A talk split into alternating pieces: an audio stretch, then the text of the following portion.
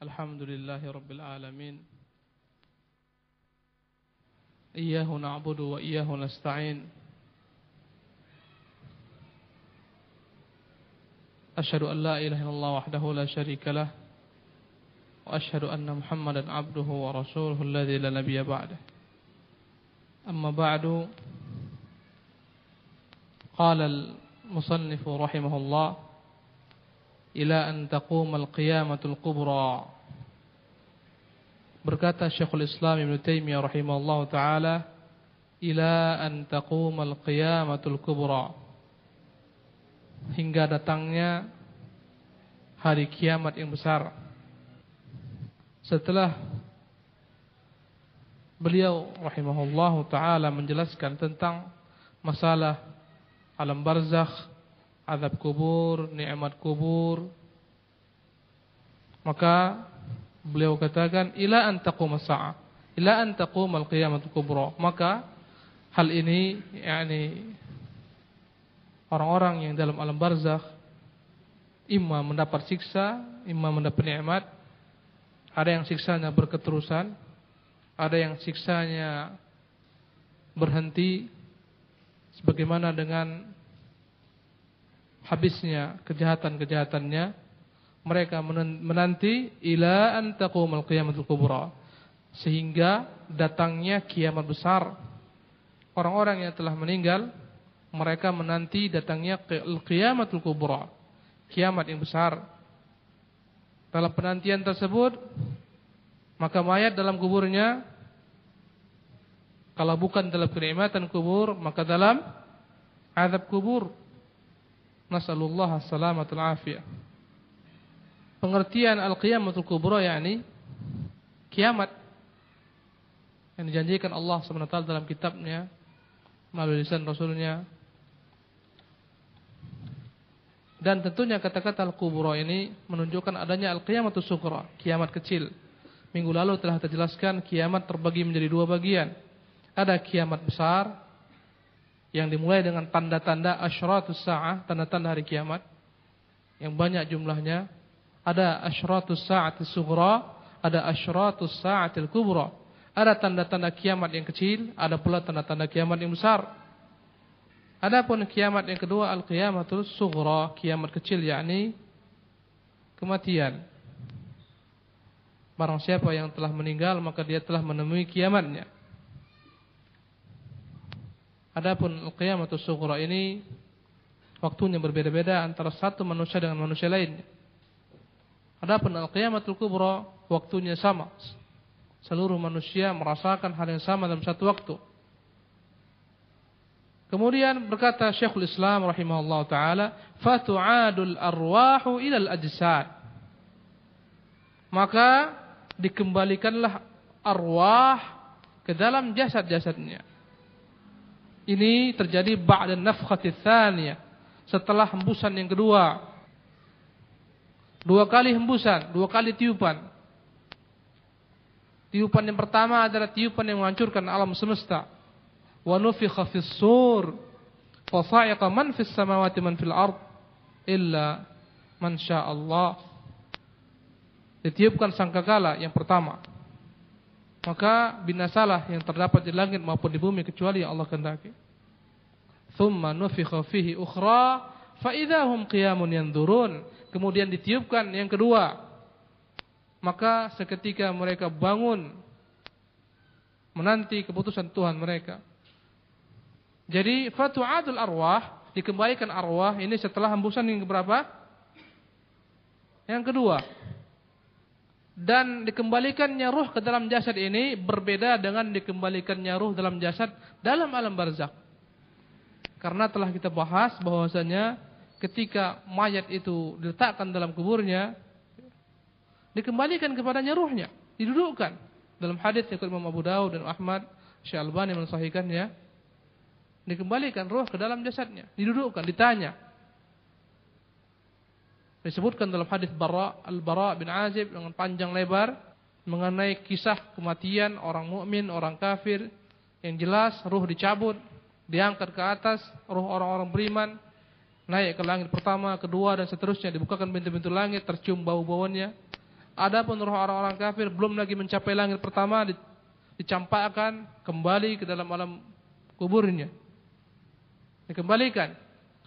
Jadi ikhwan rahimakumullah, mayat ketika disiksa dalam alam kuburnya ditanya ditanya dengan roh dan jasadnya.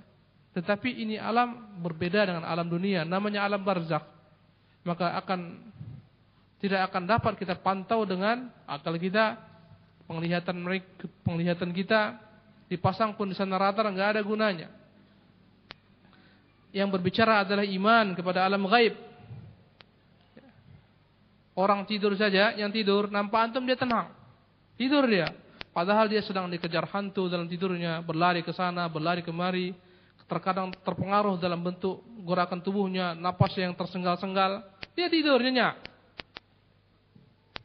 Masuk hutan, dikejar harimau, selamat dari harimau, datang ular dan seterusnya. Subhanallah. Bangun terengah-engah dia. Itu dalam alam dunia ini. Mimpi aja kita nggak bisa mengetahuinya. Apalagi alam barzakh. Maka ikhwanya rahimakumullah, Allah perintahkan Israfil untuk yanfukh, untuk meniupkan sangkakala yang kedua. Yang pertama ditiupkan, hancur semua alam raya ini. Dan telah disebutkan dalam keterangan Rasulullah SAW bahwasanya Israfil itu telah mendekatkan sangkakala ke bibirnya. Subhanallah. Siap sedia untuk meniupkan sangkakala. Dia takut terluput ketika ada perintah. Dalam sebuah riwayat Rasulullah menyebutkan bagaimana manusia merasa aman. Padahal Israfil sekarang telah melekatkan sanggagala ke bibirnya. Siap menerima perintah untuk ditiupkan. Subhanallah. Bukan jauh-jauh. Di bibirnya tinggal tiup selesai. Kiamat. Subhanallah. Binasa seluruhnya. Illa man Allah. Kecuali Allah kehendaki tidak binasa. Yang telah kita bahas kemarin. Ada makhluk-makhluk berupa surga, neraka, kolam, arash, lau mahfuz, ada malaikat, malaikat maut, malaikat Jibril. Sebagaimana disebutkan oleh para ulama. Kemudian ditiupkan yang keduanya. Fatatayarul arwahu minas sur ila jasadiha. Maka berterbanganlah arwah ini ya dengan seketika kembali ke dalam jasad-jasadnya. Masuk ke dalam jasadnya kembali. Subhanallah. Ungkapan beliau ungkapan Syekhul Islam ilal ajsad ke dalam jasad ya. Ini menunjukkan kepada kita bahwasanya sebelum ruh ini ditiupkan jasad itu ada proses dikembalikan oleh Allah SWT karena jasad manusia telah menjadi debu tulang belulang ya. Ada yang dimakan binatang buas ada yang dimakan binatang buas kemudian subhanallah tercabik-cabik dia dikunyah oleh binatang, dimasukkan ke dalam perutnya, sebagian keluar menjadi jadi apa namanya kotoran dan seterusnya. Ini semuanya akan dikembalikan oleh Allah Subhanahu taala. Jangan dianggap mustahil. Fatu'adul arwah ilal ajsad. Dikembalikan ruh ke dalam jasad. Ini berarti menunjukkan adanya masa proses setelah kiamat yang pertama Allah Subhanahu wa taala kembalikan jasad sebagaimana semula, utuh tanpa ada yang kurang. Yang menjadi tulang belulang, kemudian tulang ini telah hancur lebur, yang menjadi debu. Allah Subhanahu wa taala semuanya satukan kembali. Bukanlah perkara yang mustahil bagi Allah Subhanahu wa taala. Ada seorang nabi yang diwafatkan Allah selama 100 tahun kemudian dihidupkan kembali dalam surah Al-Baqarah. Agar dia melihat bagaimana Allah Subhanahu wa taala menghidupkan kembali yang mati. Fanzur ila al-idhami kaifa Allah sebutkan dalam Al-Qur'an Karim, lihatlah kepada tulang belulang, di situ ada untanya. Ya. Yang telah hancur jadi tulang belulang.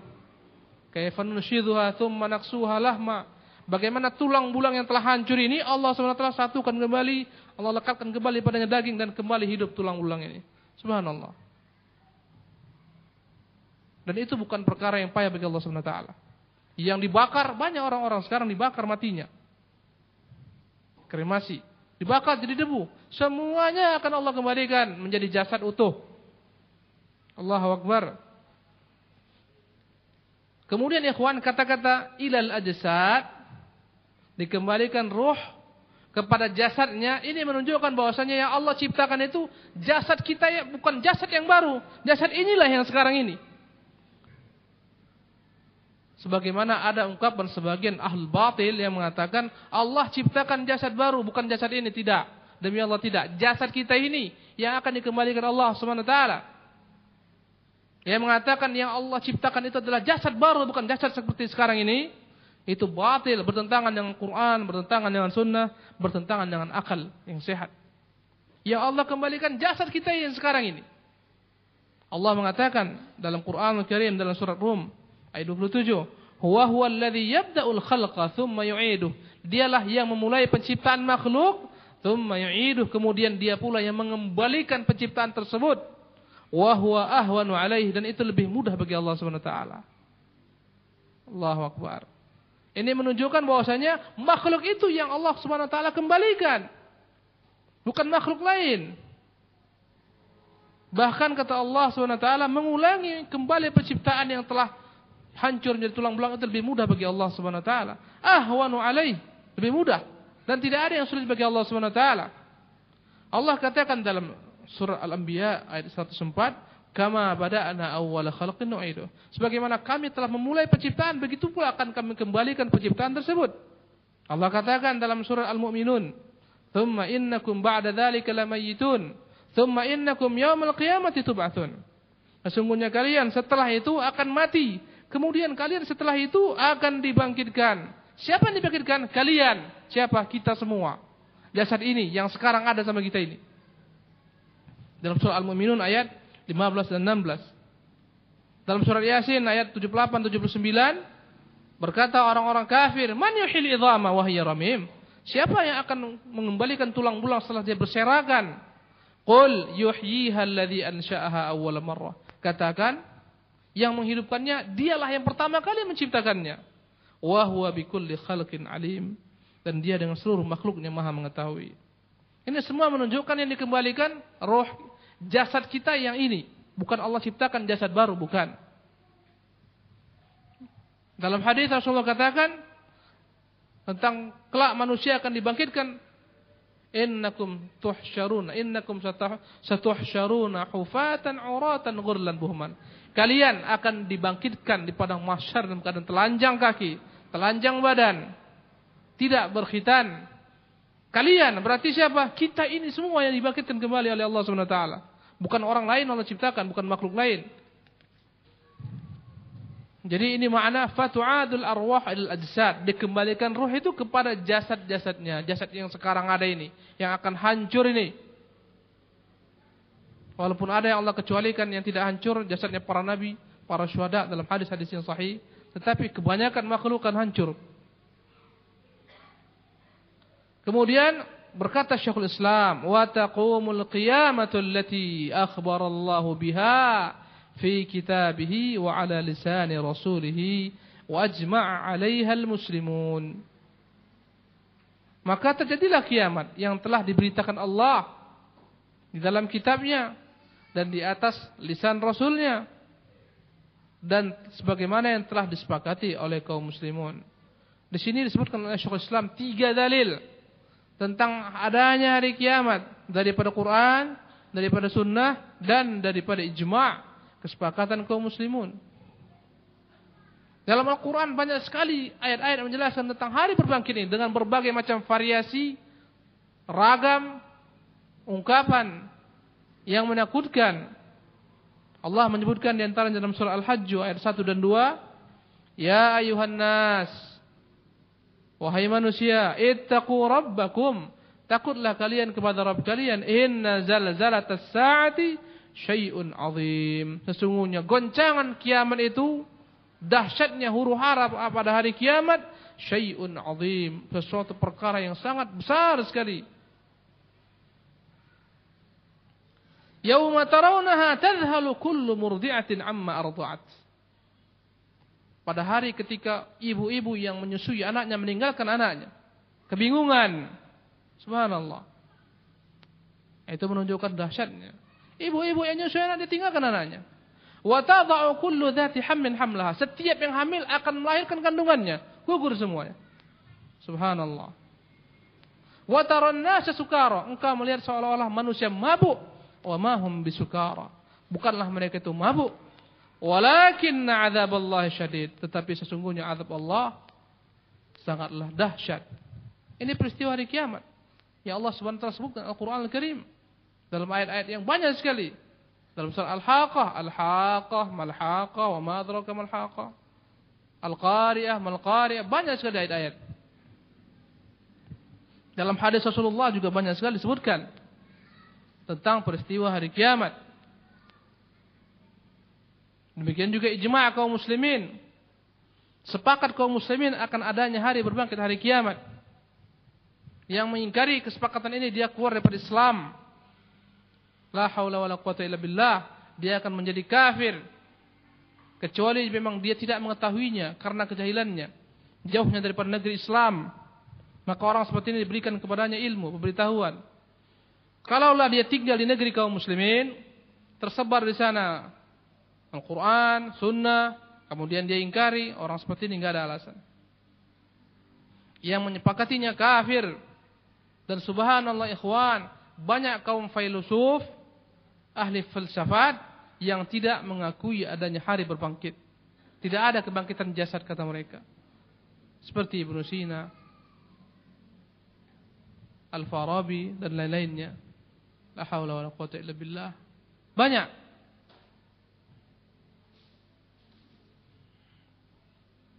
Kemudian kitab-kitab yang terdahulu kala juga Taurat, Injil telah memberitakan hal ini.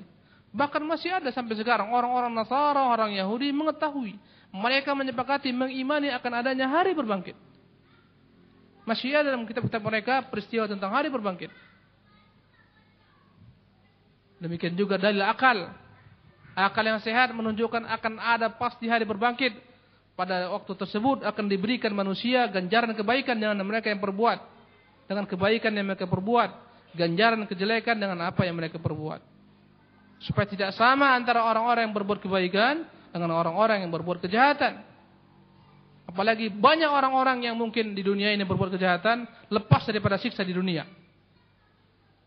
Maka mustahil jika tidak diberikan Allah SWT azab di hari akhirat. Bertentangan dengan akal yang sehat. Mustahil. Allah mengatakan dalam banyak ayat. Afanaj'alul muslimina kal mujrimin? Apakah mungkin kami samakan antara orang-orang yang muslim berserah diri yang pasrah kepada Allah dengan orang-orang mujrim, orang-orang yang pendosa, yang zalim, melampaui batas? Enggak sama ya, kuat. Tidak akan mungkin dapat disamakan.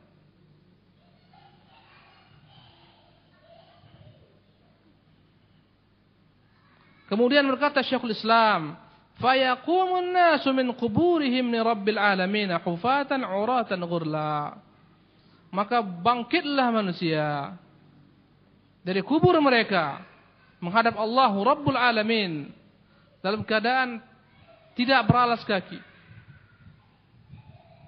Tidak berpakaian. Dalam keadaan tidak berkhitan, belum berkhitan. Allah akan kembalikan. Subhanallah akan menjadi utuh dia. Perempuan yang dikhitan Allah akan kembalikan. Laki-laki yang dikhitan Allah akan kembalikan. Gak ada yang terbuang. Semuanya utuh. Dibangkitkan oleh Allah subhanahu wa ta'ala. Dari kubur mereka. Ini lil aghlab. Kebanyakan orang meninggal dikuburkan. Tapi tidak seluruhnya. Ada yang tidak dikuburkan. Ada yang tenggelam. Ada yang terbakar. Ada yang dimakan binatang buas. Tapi kebanyakan mereka dikuburkan dan seluruhnya akan dibangkitkan dari dalam kubur mereka.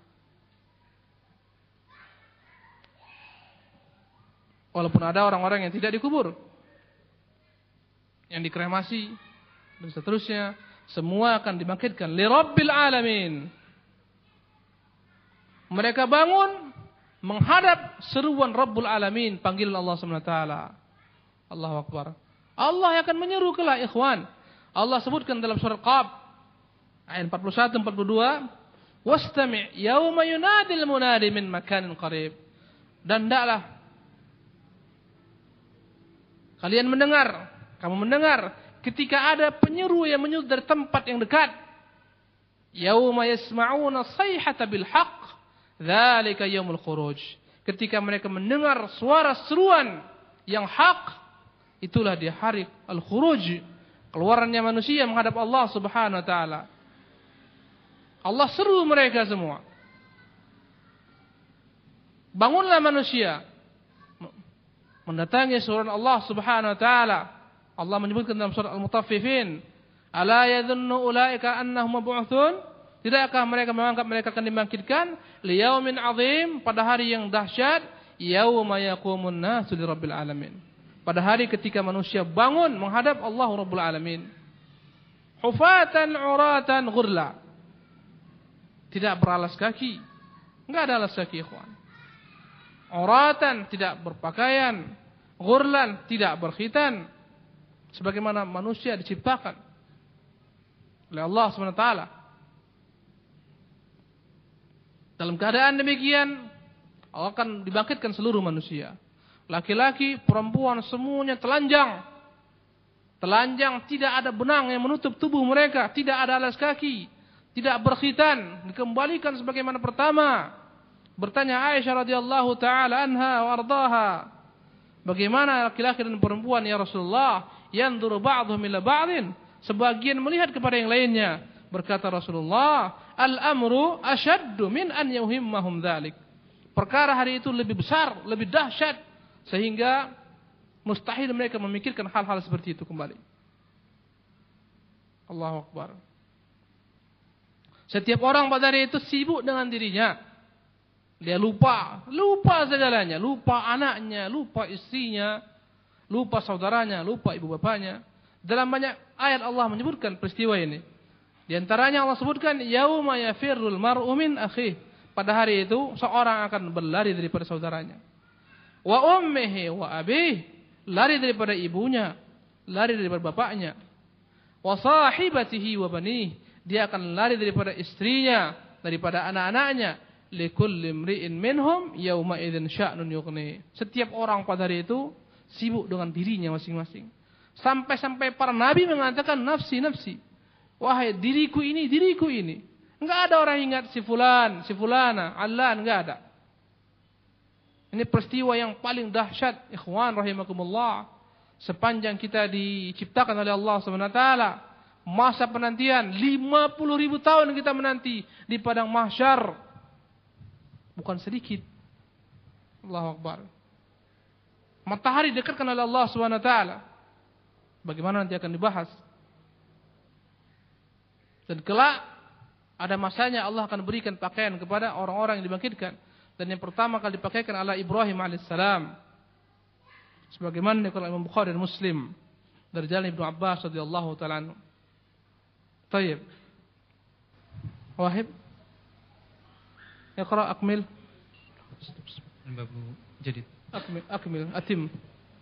وتدنو بسم الله والحمد لله والصلاة والسلام على رسول الله وبعد. قال مصنف رحمه الله تعالى ما يجري في يوم القيامة. وتدنو منهم الشمس ويلجمهم العرق فتنصب الموازين فتوزن بها أعمال العباد. ويلجمهم. ويلجمهم العرق. ويلجمه العرق فتنصب الموازين فتوزن بها أعمال. فتوزن. فتوزن بها أعمال العباد. فمن ثقلت موازينه فأولئك هم المفلحون. ومن خفت موازينه فأولئك الذين خسروا أنفسهم في جهنم. khasiru anfusahum fi jahannam khalidun wa tunsaru dawawinu wa hiya sahaiful a'mali fa akhadha kitabahu bi yamini fa akhidun kitabahu fa fa akhidu kitabahu bi yamini fa akhidun fa akhidun kitabahu bi yamini wa akhidun kitabahu bi shimalihi aw min wara'i dhahrihi kama qala subhanahu wa ta'ala wa kullu insanin alzam wa kullu insanin alzamnahu ta'irahu fi 'unuqihi wa nukhriju lahu yawmal qiyamati kitaban yalqahu mansura iqra kitabaka kafa bi nafsika ya iqra kitabaka kafa bi nafsika al yawma 'alayka hasiba.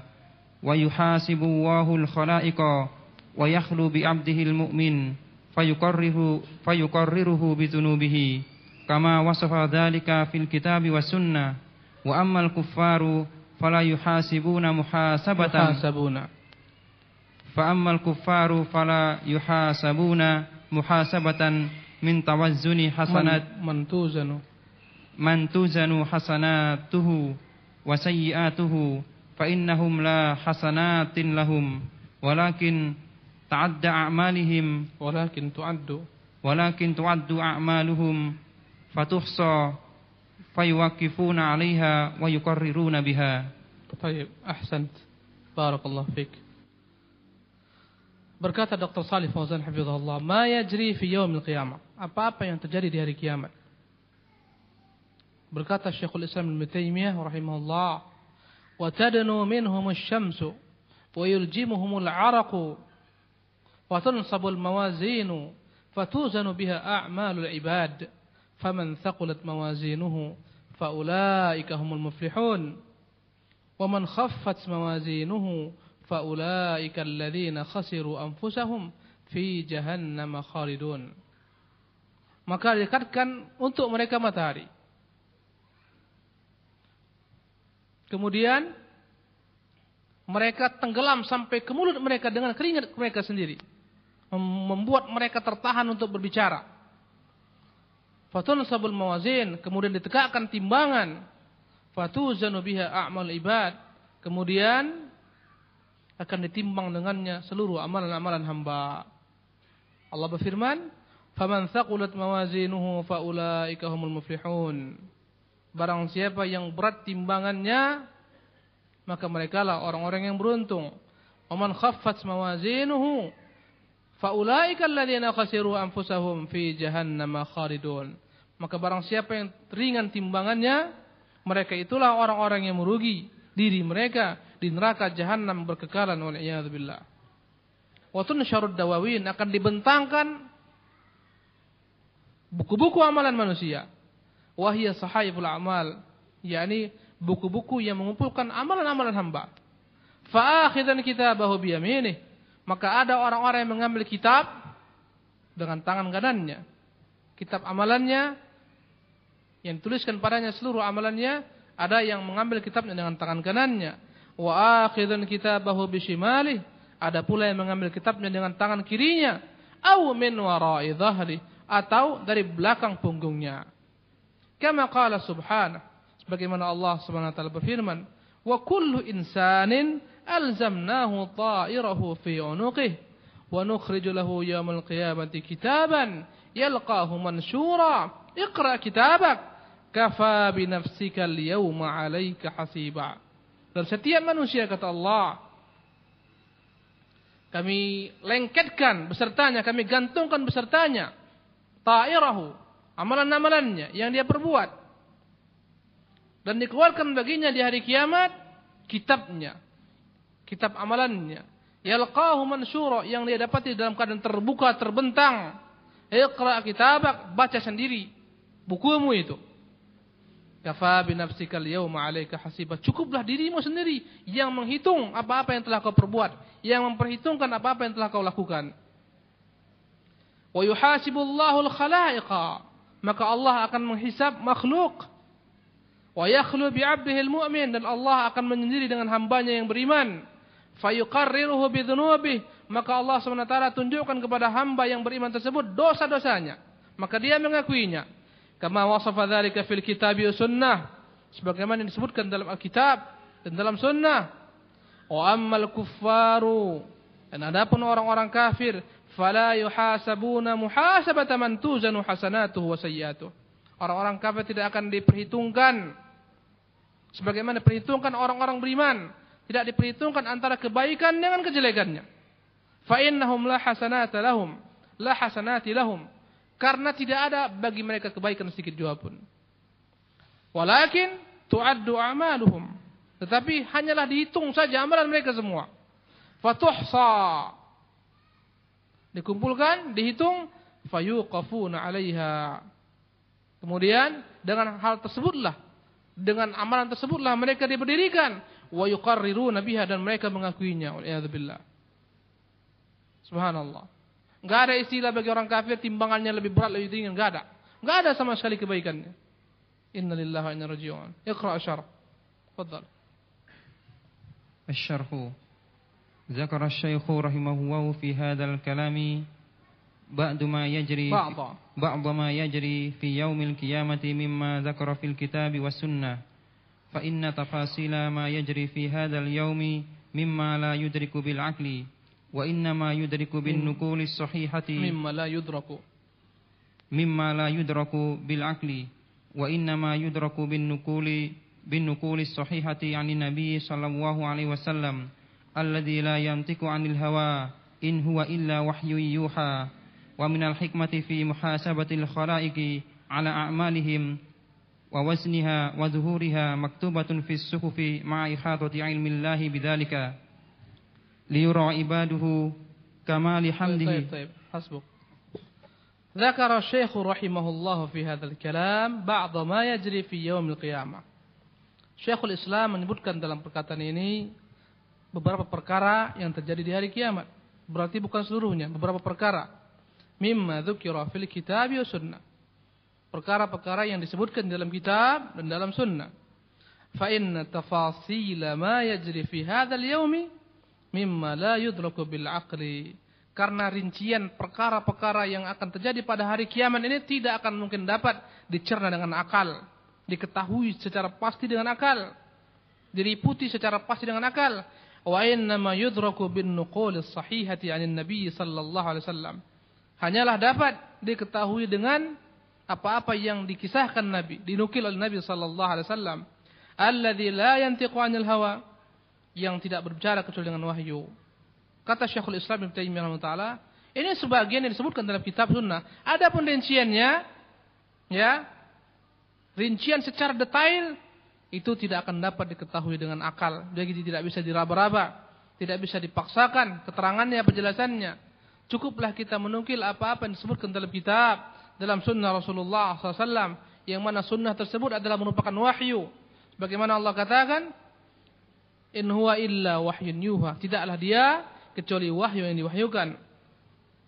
Wa minal hikmati fi muhasabatil khalaiqi ala a'malihim ووزنها وظهورها مكتوبة في الصحف مع إحيطة علم الله بذلك ليري عباده ليرى عباده كمال حمده وكمال عدله وسعة رحمته وعظمة ملكه berkata Dr. Salih Fauzan hafizahullah taala di antara hikmah kenapa makhluk harus dihisab harus kembali diperhitungkan semua amalannya dihitung dihisab kemudian ditimbang, kemudian ditampakkan amalan tersebut dalam catatan sahifah, raport mereka, lembaran-lembaran amalan mereka dalam buku mereka. Padahal Allah SWT sesungguhnya tidak butuh kepada hisab, tidak butuh untuk ditampilkan itu semua kepada hamba. Semua telah diketahui Allah SWT. Allah telah meliputi ilmu seluruh hamalan manusia. Untuk apa ditampakkan? Untuk apa ditampakkan kepada makhluk, kepada hamba? Kembali manusia dihisab. Tanpa dihisap Allah mengetahui. Ini masuk neraka, ini masuk surga. Untuk apa hikmahnya? Berkata Dr. Salih Fauzan, liyara ibaduhu kamala hamdih. Agar makhluk hamba melihat betapa sempurnanya pujian bagi Allah SWT. Kamala adlih. Betapa sempurnanya adil, keadilan Allah Subhanahu wa taala. Agar tidak terkesan seolah-olah apa-apa yang Allah timpakan kepada makhluk itu semua karena kezaliman Allah. Tidak. Makhluk sendiri yang memperhitungkannya. Makanya kata Allah, Iqra kitabak. Kau baca sendiri amalanmu. Kitabmu itu. Kafa binafsika liyawma alaika hasiba. Cukup dirimu saja yang menghitung ini semua amalanmu. Maka hamba tahu dia. Dia akan binasa, dia akan celaka, dia tahu. Dia lihat sendiri, dia perhatikan sendiri. Supaya tegak hujah. Subhanallah. Diperlihatkan kepada hamba ditimbang, dihisap supaya tegak hujah. Jangan sampai ada kesan Allah SWT menzalimi hambanya. Tidak. Apa pun yang Allah perbuat semua dengan hikmahnya. Dan ada pun beberapa perkara yang terjadi pada hari kiamat ini terhadap hamba. Yang pertama, annaha tadnu minhum syams. Bahwasanya akan didekatkan kepada mereka matahari. Itu semua akan hancur. Matahari itu akan hancur. Allah akan kembalikan matahari. Allah taala alam. Ay taqrubu min ru'usihim. Akan dekat sekali dengan kepala mereka. Kama rawa Muslimun anil Miqdadi radhiyallahu anhu sebagaimana yang telah diriwayatkan oleh Muslim dari Jalal Miqdad radhiyallahu anhu qal berkata Miqdad al-Miqdad sami'tu Rasulullah sallallahu alaihi wasallam yaqulu aku mendengar Rasulullah SAW bersabda idza kana yaumul qiyamati udniyatis syamsu minal ibad apabila datang hari kiamat terjadi hari kiamat didekatkan matahari daripada hamba hatta takuna qadramilin aw milain. Sehingga matahari jaraknya hanyalah satu mil atau dua mil saja daripada manusia. Allahu Akbar satu mil ikhwan berapa satu mil tuh satu kilo berapa berapa satu mil 1,7 kilo kilometer Subhanallah, dekat sekali. Sekarang ini berapa ribu, berapa jarak matahari dengan kita sekarang? Ada yang tahu nggak? Ada yang pernah ngukur? Kayaknya ada dihitung itu. Yang penting jauh sekali matahari. Padahal ikhwan, kalau matahari itu didekatkan sedikit saja, terbakar bumi ini. Subhanallah, itu dahsyat sekali matahari itu tinggi radiasinya. Maka Allah Subhanahu wa taala lapis bumi dengan berbagai macam lapisan-lapisan ozon, lapisan atmosfer. Kalau dekat saja lebih dekat, hancur kita semua binasa, terbakar kita.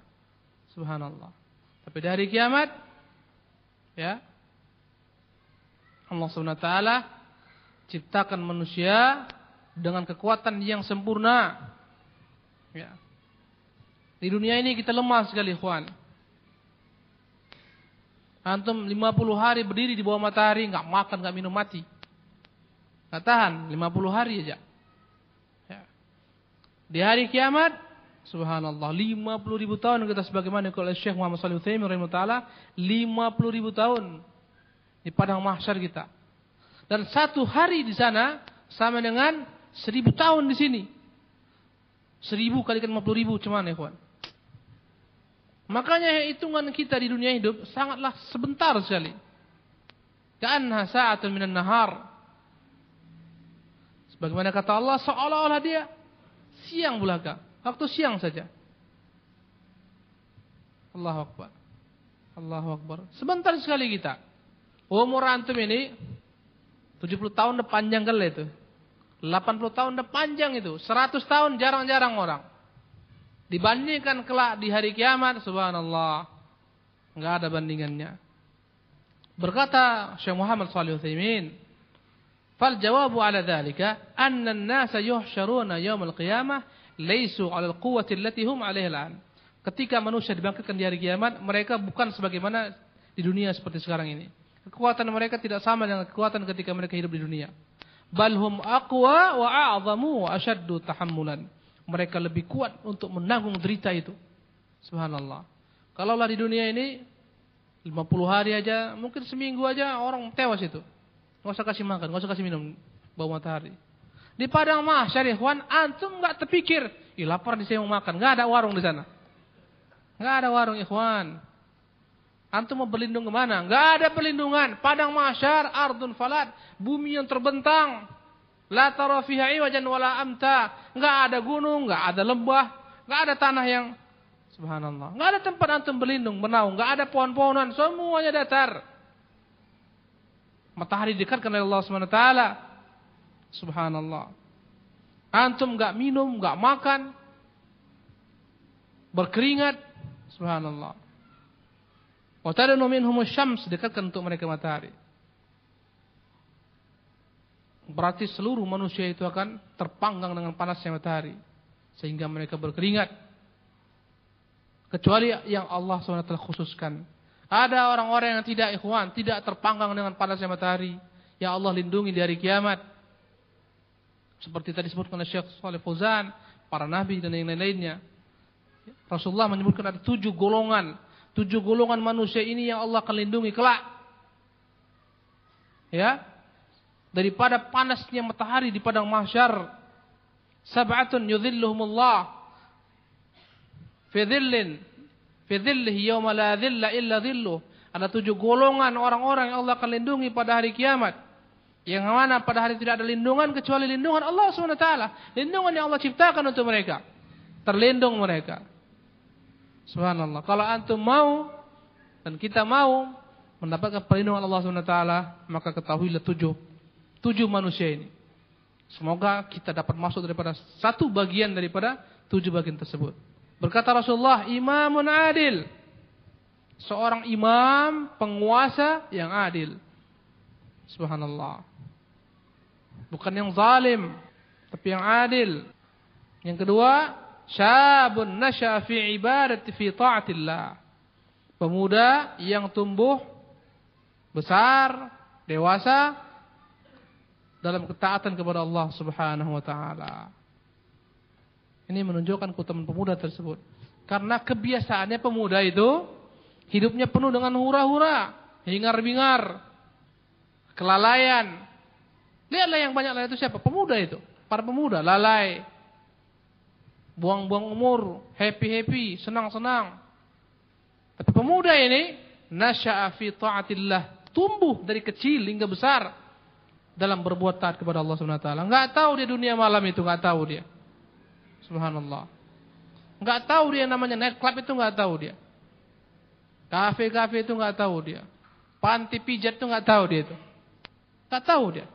Tahunya taat kepada Allah Subhanahu wa taala, masjid, rumah, masjid, sekolahnya, pesantrennya. Ya. Enggak tahu di dunia hitam itu. Allahu Akbar. Nasya'a fi ibadatillah. Dia tumbuh, besar, berkembang, menjadi dewasa dengan ketaatan kepada Allah taala. Enggak ada dia jadi playboy, enggak ada cerita. Melanglang buana. Subhanallah, enggak ada. Nasya fi ibadatillah. Yang ketiga, wa rajulun qalbuhu muta'alliqun mu'allaqun bil. Laki-laki yang hatinya terpaut dengan masjid. Ahli masjid, pemakmur masjid. Selalu dia rindu kepada masjid selalu ingin di dalam masjid istiqamah untuk dapat melaksanakan salat berjamaah di masjid. Subhanallah. Ini ada peluang untuk antum ini. Gak mungkin yang pertama, gak jadi pemimpin antum, payah jadi presiden. Gak usah lah, gak usah mengharap lah yang pertama. Yang kedua, ternyata antum udah tua-tua ini. Udah sempat dulu banyak kasus. Ya kan?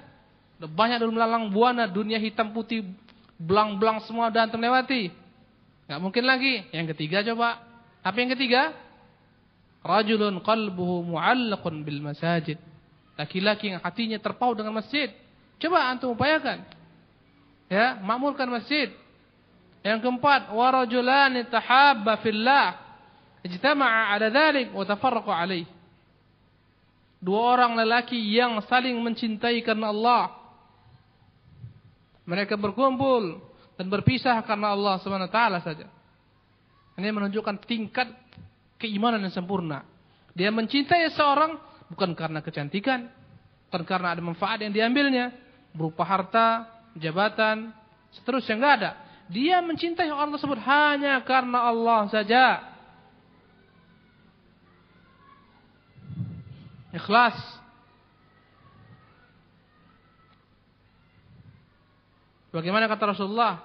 Salasun man kunna fi halatul iman. Tiga macam perkara yang dalam diri seorang dia akan dapat manisnya keimanan. Di antaranya adalah ya Antuhibbal mar'a la tuhibbu illa lillah. Engkau cintai seorang tidaklah kau cintai kecuali karena Allah saja. Ini bisa ada peluang ini. Antum cari teman yang saleh, yang baik, antum dekati dia, antum mencintainya, mengasihinya, karena Allah saja. Yang ketiga, eh, yang keberapa? Yang kelima. Berapa man? Kelima. Itu keempat atau kelima? Jangan sampai bilang Abdurrahman bilang lima, atau bilang empat. Atau bilang bilang enam tambah payah lagi kita. Yang kelima. Warajulun da'athum ra'atun dhatu mansabin wa jamal. Faqala inni akhafullah. Laki-laki yang diajak berzina oleh perempuan yang cantik cerita, punya kedudukan, punya harta, semua lengkap. Tetapi dia berkata, Inni akhafullah, aku takut kepada Allah SWT. Sebagaimana Yusuf alaihissalam, ya, diseru oleh Zulaikha dengan kecantikannya yang yang luar biasa. Kecantikannya yang luar biasa, hartanya, jabatannya, kedudukannya, di istananya, semua lengkap. Berkata Yusuf, "Inni akhafullah, Rabbul alamin." Aku takut kepada Allah, Rabbul alamin. Subhanallah, la ilaha illallah. Semoga Allah menjadikan kita orang-orang seperti ini ya. Ini berat ini ikhwan, tantangannya. Berat sekali, perempuan itu tantangan yang berat sekali. Kalau enggak, enggak akan mungkin kata Nabi SAW, tidak pernah aku tinggalkan fitnah, ujian, cobaan kepada lelaki setelahku yang lebih besar daripada cobaan wanita. Besar sekali dia. Subhanallah. Nabi Yusuf alaihissalam ya, hampir-hampir Yusuf alaihissalam tergelincir sehingga dia berdoa, ya. Rabbi srif anni kaidahunna. Ya Allah, palingkan daripada aku tipu daya mereka. Allahu Akbar. Nabi Yusuf alaihissalam. Wa illam tasrif anni kaidahunna asbu. Kalau tidak kau palingkan hatiku ini dari tipu daya mereka, aku akan terpengaruh dengan mereka. Perempuan, wallahi, wallahi, wallahi, thumma wallah adalah musibah yang paling besar kepada kaum laki-laki. Yang menggelincirkan kaum laki-laki. Subhanallah. Fitnah mereka, suara mereka, gerak-gerik mereka. Tapi laki-laki ini istimewa. Dia katakan, ini akhafullah. Aku takut kepada Allah SWT. Dalam keadaan dia mampu berzina, ada peluang, semua lengkap, fasilitas lengkap, ada security yang jaga, semua lengkap. Dia katakan ini akhafullah. Berat. Kemudian yang keenam, bi sadaqatin fa akhfaha hatta la ta'lama shimaluhu ma tunfiqu yaminu. Seorang laki-laki yang bersedekah, bersedekah dia merahasiakannya, dia sembunyikan sehingga sangkin sembunyinya perkara tersebut tangan kirinya nggak tahu apa yang diperbuat tangan kanannya. Subhanallah. Ini merupakan yakni sifat yang terpuji. Dia berinfak, bersedekah, dia rahasiakan. Banyak orang infak tapi nggak sabar membicarakannya. Subhanallah, nggak sabar dia. Alhamdulillah, alhamdulillah kami telah bangun itu sekolah, kami telah buat. Payah dia tahan diri, subhanallah. Walaupun dia ikhlas, akan berkurang ganjaran pahalanya. Ya. Dalam kitab Al-Qayyim rahimahullah taala dikatakan, malaikat itu punya memiliki dua catatan, diwanul sir, diwanul alan. Catatan amalan manusia yang diperbuat dengan terang-terangan, catatan amalan manusia yang diperbuat dengan sembunyi-sembunyi. Kalaulah orang melaksanakan suatu amalan dengan sembunyi-sembunyi, dicatat dalam catatan ini. Diwanus sir yang memiliki keutamaan yang tinggi. Kalau dia terangkan sama orang, dipindahkan kepada diwanul alan, catatan yang terang-terangan. Kalau anda yang kata masuk ria, dibuang ke lubang sampah. Gak dapat sama sekali. Kemudian yang ketujuh, warajulun dzakarallahu khalian fafadhan ainah. Seorang laki-laki yang dia mengingat Allah dalam kesendiriannya maka menangislah keluarlah air matanya subhanallah karena takut kepada Allah Subhanahu wa taala. Ini tujuh golongan yang akan dapat lindungan Allah ketika matahari dekatkan, ketika manusia tenggelam dengan keringatnya. Wa yuljimuhumul araq. Wa yuljimuhumul araq. Berkata Dr. Salih Fauzan, ay yasilu ila fuahim. Wa yuljimuhumul araq maknanya adalah keringat mereka sampai ke mulut mereka itu, tenggelam mulut mereka fayasir bimanzilatil lijam yamna'uhum minal kalam seolah-olah dia bagaikan al-lijam yakni tempat apa namanya binatang itu kuda ya, untuk mengendalikannya diletakkan pelananya apa namanya itu kekang tali kekang Hah? siapa sini ahli ahli kuda ini al-lijam itu al-lijam tali yang diikatkan untuk mengarahkan kuda atau unta. Diikatkan biasanya di mulutnya. Kiri ke kanan, tinggal tarik kanan, dia ke kanan, kiri ke al-jam. Maksudnya di sini apa, ikhwan? Keringat itu membanjir sampai tertutup lisan mereka. Tertutup mulut mereka, subhanallah. Sehingga enggak bisa mereka berbicara. Apalagi minta tolong. Wadhalika natijat lidunui syamsi minhum. Karena dekatnya matahari daripada mereka. Banjir keringat, subhanallah. Wadhalika li aktsaril khalq. Dan ini terjadi kepada kebanyakan manusia. Wa yustathna min dzalikal anbiya wa man Allah. Dikecualikan para nabi dan orang-orang yang Allah kehendaki yang tadi kita sebutkan. Subhanallah. Dan bertingkat-tingkat ikhwan rahimakumullah. Yang paling tinggi itu sampai tenggelam. Sampai di mulutnya. Namun ada yang tidak seperti itu. Ada yang sampai ke mata kakinya keringatnya. Sesuai dengan amalannya. Sampai ke mata kaki. Ada yang sampai ke lutut-lututnya, lutut. Ada yang sampai ke pinggang. Dan ada yang sampai ke mulutnya. Allahul Musta'an. Berbeda-beda. Karena panasnya matahari. Karena banyaknya manusia, sempitnya manusia. Di padang yang begitu luas, tapi sempit ikhwan. Tenggelam manusia dengan keringat-keringat mereka sendiri. Sesuai dengan tingkat amalan mereka. Subhanallah. Cantum bayangkan, seluruh manusia dibangkitkan. Dari Adam. Umat Nabi Nuh aja berapa banyak? Umat Nabi Musa berapa banyak? Semua dibangkitkan. Semua dibangkitkan dalam keadaan yang sama. Telanjang di bawah matahari yang terik. Maka mereka pun berkeringat. Ada yang sampai ke mulutnya, ada yang sampai ke pinggang, ke betis, ke lutut, ke mata kaki. Dan ada yang tidak berkeringat dapat lindungan oleh Allah Subhanahu wa taala. Allahu Akbar. Yauma la dhilla illa dhilluh. Pada hari enggak ada lindungan kecuali lindungan Allah. Bukan maknanya Allah SWT melindungi mereka dengan bayangan Allah. Tidak. Dengan naungan Allah.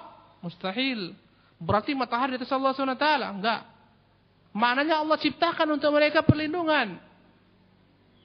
Jangan diartikan Yauma la illa dhillu pada hari enggak ada lindungan kecuali lindungan Allah.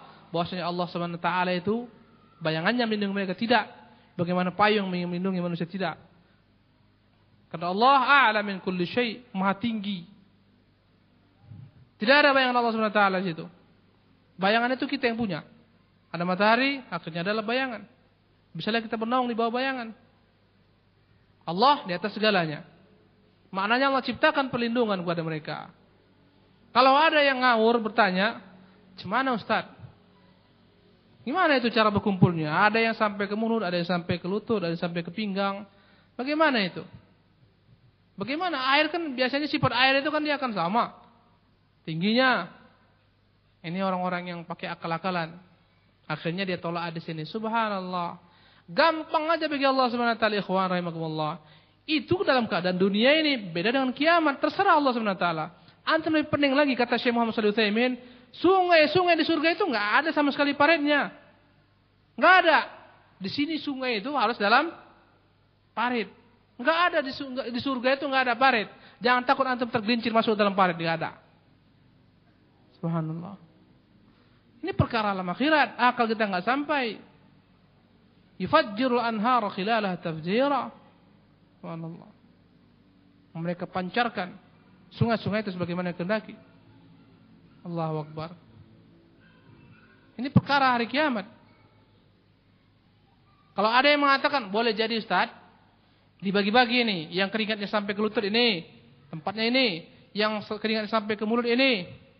Kita katakan ini alam gaib. Tidak bisa kita reka-reka. Nggak boleh kita katakan boleh jadi, nggak boleh jadi. Allah alam.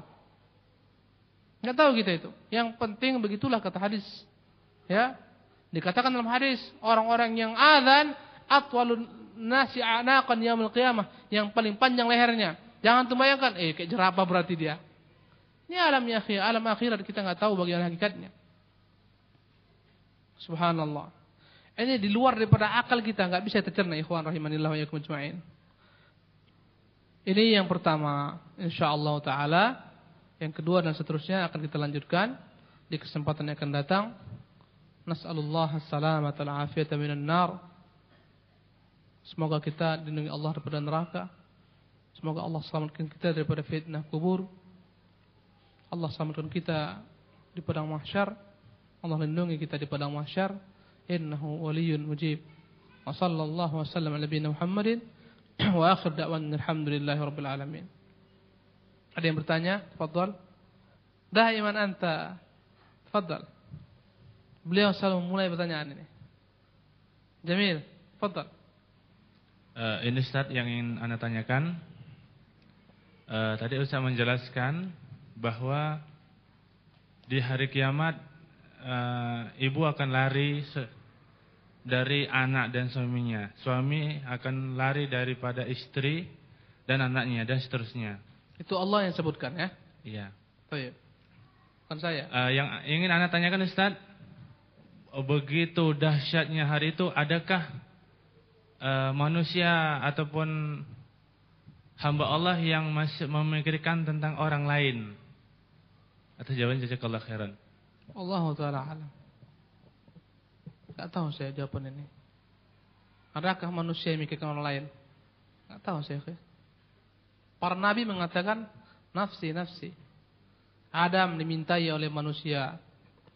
Wahai Adam, anta abul bashar, bukankah engkau bapak manusia? Bukankah Allah ciptakan engkau dengan dua tangannya? Tidak kau lihat kami ini sekarang? Alam tara mana fih? Tidak kau lihat bagaimana keadaan kami sekarang? Mintalah kepada Tuhan agar memulai persidangan. Kata Adam, Lastulaha, bukan aku yang berhak untuk itu. Aku telah menzalimi diriku, aku telah melanggar perintah Tuhanku. Nafsi, nafsi, jiwa, jiwa, diriku, diriku. Adam, itu kata Adam, itu kata Nabi Nuh, itu kata Nabi Musa, Isa, Ibrahim. Subhanallah. Enggak tahu kita ketika itu apakah ada orang yang memikirkan orang lain. Allah taala alam. Umumnya ayat mengatakan yauma yafirrul mar'u. Pada hari itu setiap orang kata-kata al-mar'u di sini alif lam menunjukkan umum. Lari daripada ibunya, bapaknya, semua lari, enggak ada. Allahu akbar. Allahu a'lam bissawab. Fadhal. Uh, Ustaz, uh, tadi disebutkan tujuh golongan yang mendapat naungan uh, Allah di hari kiamat. Uh, semuanya laki-laki, Ustaz. Kalau perempuan di mana, Ustaz? Jamil. Kata-kata rajulun, laki-laki, laki-laki, laki-laki. Setiap perkataan yang berbicara tentang laki-laki masuk di sana perempuan. Ya, karena an-nisa'u syaqa'iqur rijal. Kaidahnya, perempuan itu adalah saudaranya laki-laki. Apa yang berlaku kepada laki-laki berlaku untuk perempuan kecuali jika ada dalil yang mengkhususkannya. Yang antum ketika berpuasa, Ya Allah seru laki-laki. Ya ayyuhalladzina amanu wahai orang-orang yang beriman. Siapa amanu? Kalau antum belajar bahasa Arab, dhamir amanu untuk siapa? Laki-laki. Ya. Kalau perempuan amanat kalau satu orang. Ya amanna kalau anda kata banyak. Enggak ada sini perempuan masuk. Tetapi setiap khitab, setiap perintah yang ditujukan kepada laki-laki di sana perempuan masuk kecuali jika ada pengkhususan. Paham tak? Jadi jangan takut ke perempuan, jangan takut. Rajulun, rajulun, imra'atun juga ada itu semua. Jangan khawatir, wallahu taala alam. Bagaimana nih Ustaz, laki-laki disuruh perempuan? Ya balikkan saja, ada perempuan disuruh laki-laki untuk berzina, katakan ini akhafullah. Bisa? Dan seterusnya. Wallahu taala alam. Yang bagus kita nyantum lah, yang paten sedikit bertanya itu. Ganti yang lain lah. Ilmiah sedikit. Gak ada yang bertanya jadinya nih ya. Alhamdulillah. Udah? Tafadhal. Barakallahu fik. Kasih mikrofon. Ini saudara antum dari Singapura ini, ikhwan. Alhamdulillah. Beliau datang kemari untuk talabul ilmi. Ustaz, uh, tadi dikatakan akan dikembalikan roh pada jasad. Ada enggak keterangan dari sunnah atau dari Quran uh, jasad yang mana yang akan dikembalikan yakni kalau orang tu meninggal pada umurnya 80-an adakah jasad itu yang akan dibangkitkan? Ataupun jasad yang mana? Jasadnya semasa muda atau semasa tua? Apakah beliau bertanya jasad itu dikembalikan dalam usia berapa? Apakah ketika dia usia kakek-kakek itu dalam keadaan bungkuk di jalan di di padang mahsyar atau ketika dia berusia masih kanak-kanak? Enggak ada keterangan kecuali dalam beberapa riwayat manusia itu ke dalam alam mahsyar mereka semua sebaya pada usia mereka yang paling sempurna usianya. Kalau saya nggak khilaf antara usia 30 sampai 40 tahun.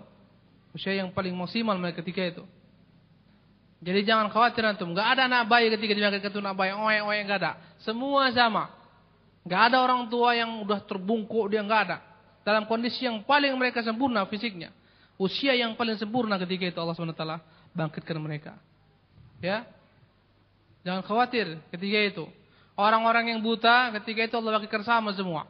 Ya. Orang-orang yang cacat nggak ada ketika itu. Semua sama. Nggak ada yang ketika dibangkitkan pada masa dia pakai kursi roda, nggak ada. Nggak ada. Semuanya sama kita. Anak-anak kecil, yang mati kecil, orang-orang yang mati ketika dia tua, yang mati ketika dia muda, semuanya dibangkitkan tempat yang sama semua. Jadi antum nggak usah khawatir. Jangan-jangan pas umur saya 80 tahun dibangkitkan.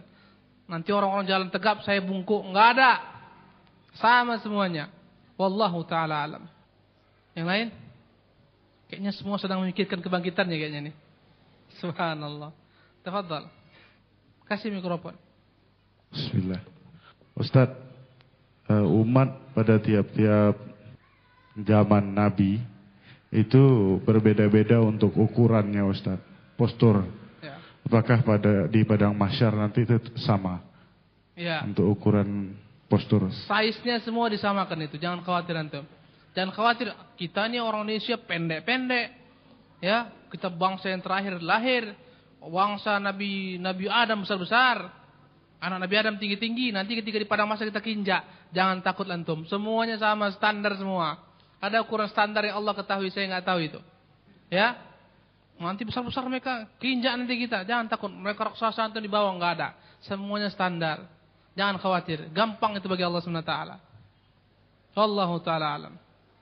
Detailnya itu ikhwan nggak tahu gitu tuh detail. Antum banyak berbicara tentang detail, saya nggak tahu itu semua.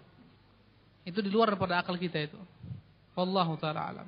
Demikian. Assalamualaikum warahmatullahi wabarakatuh.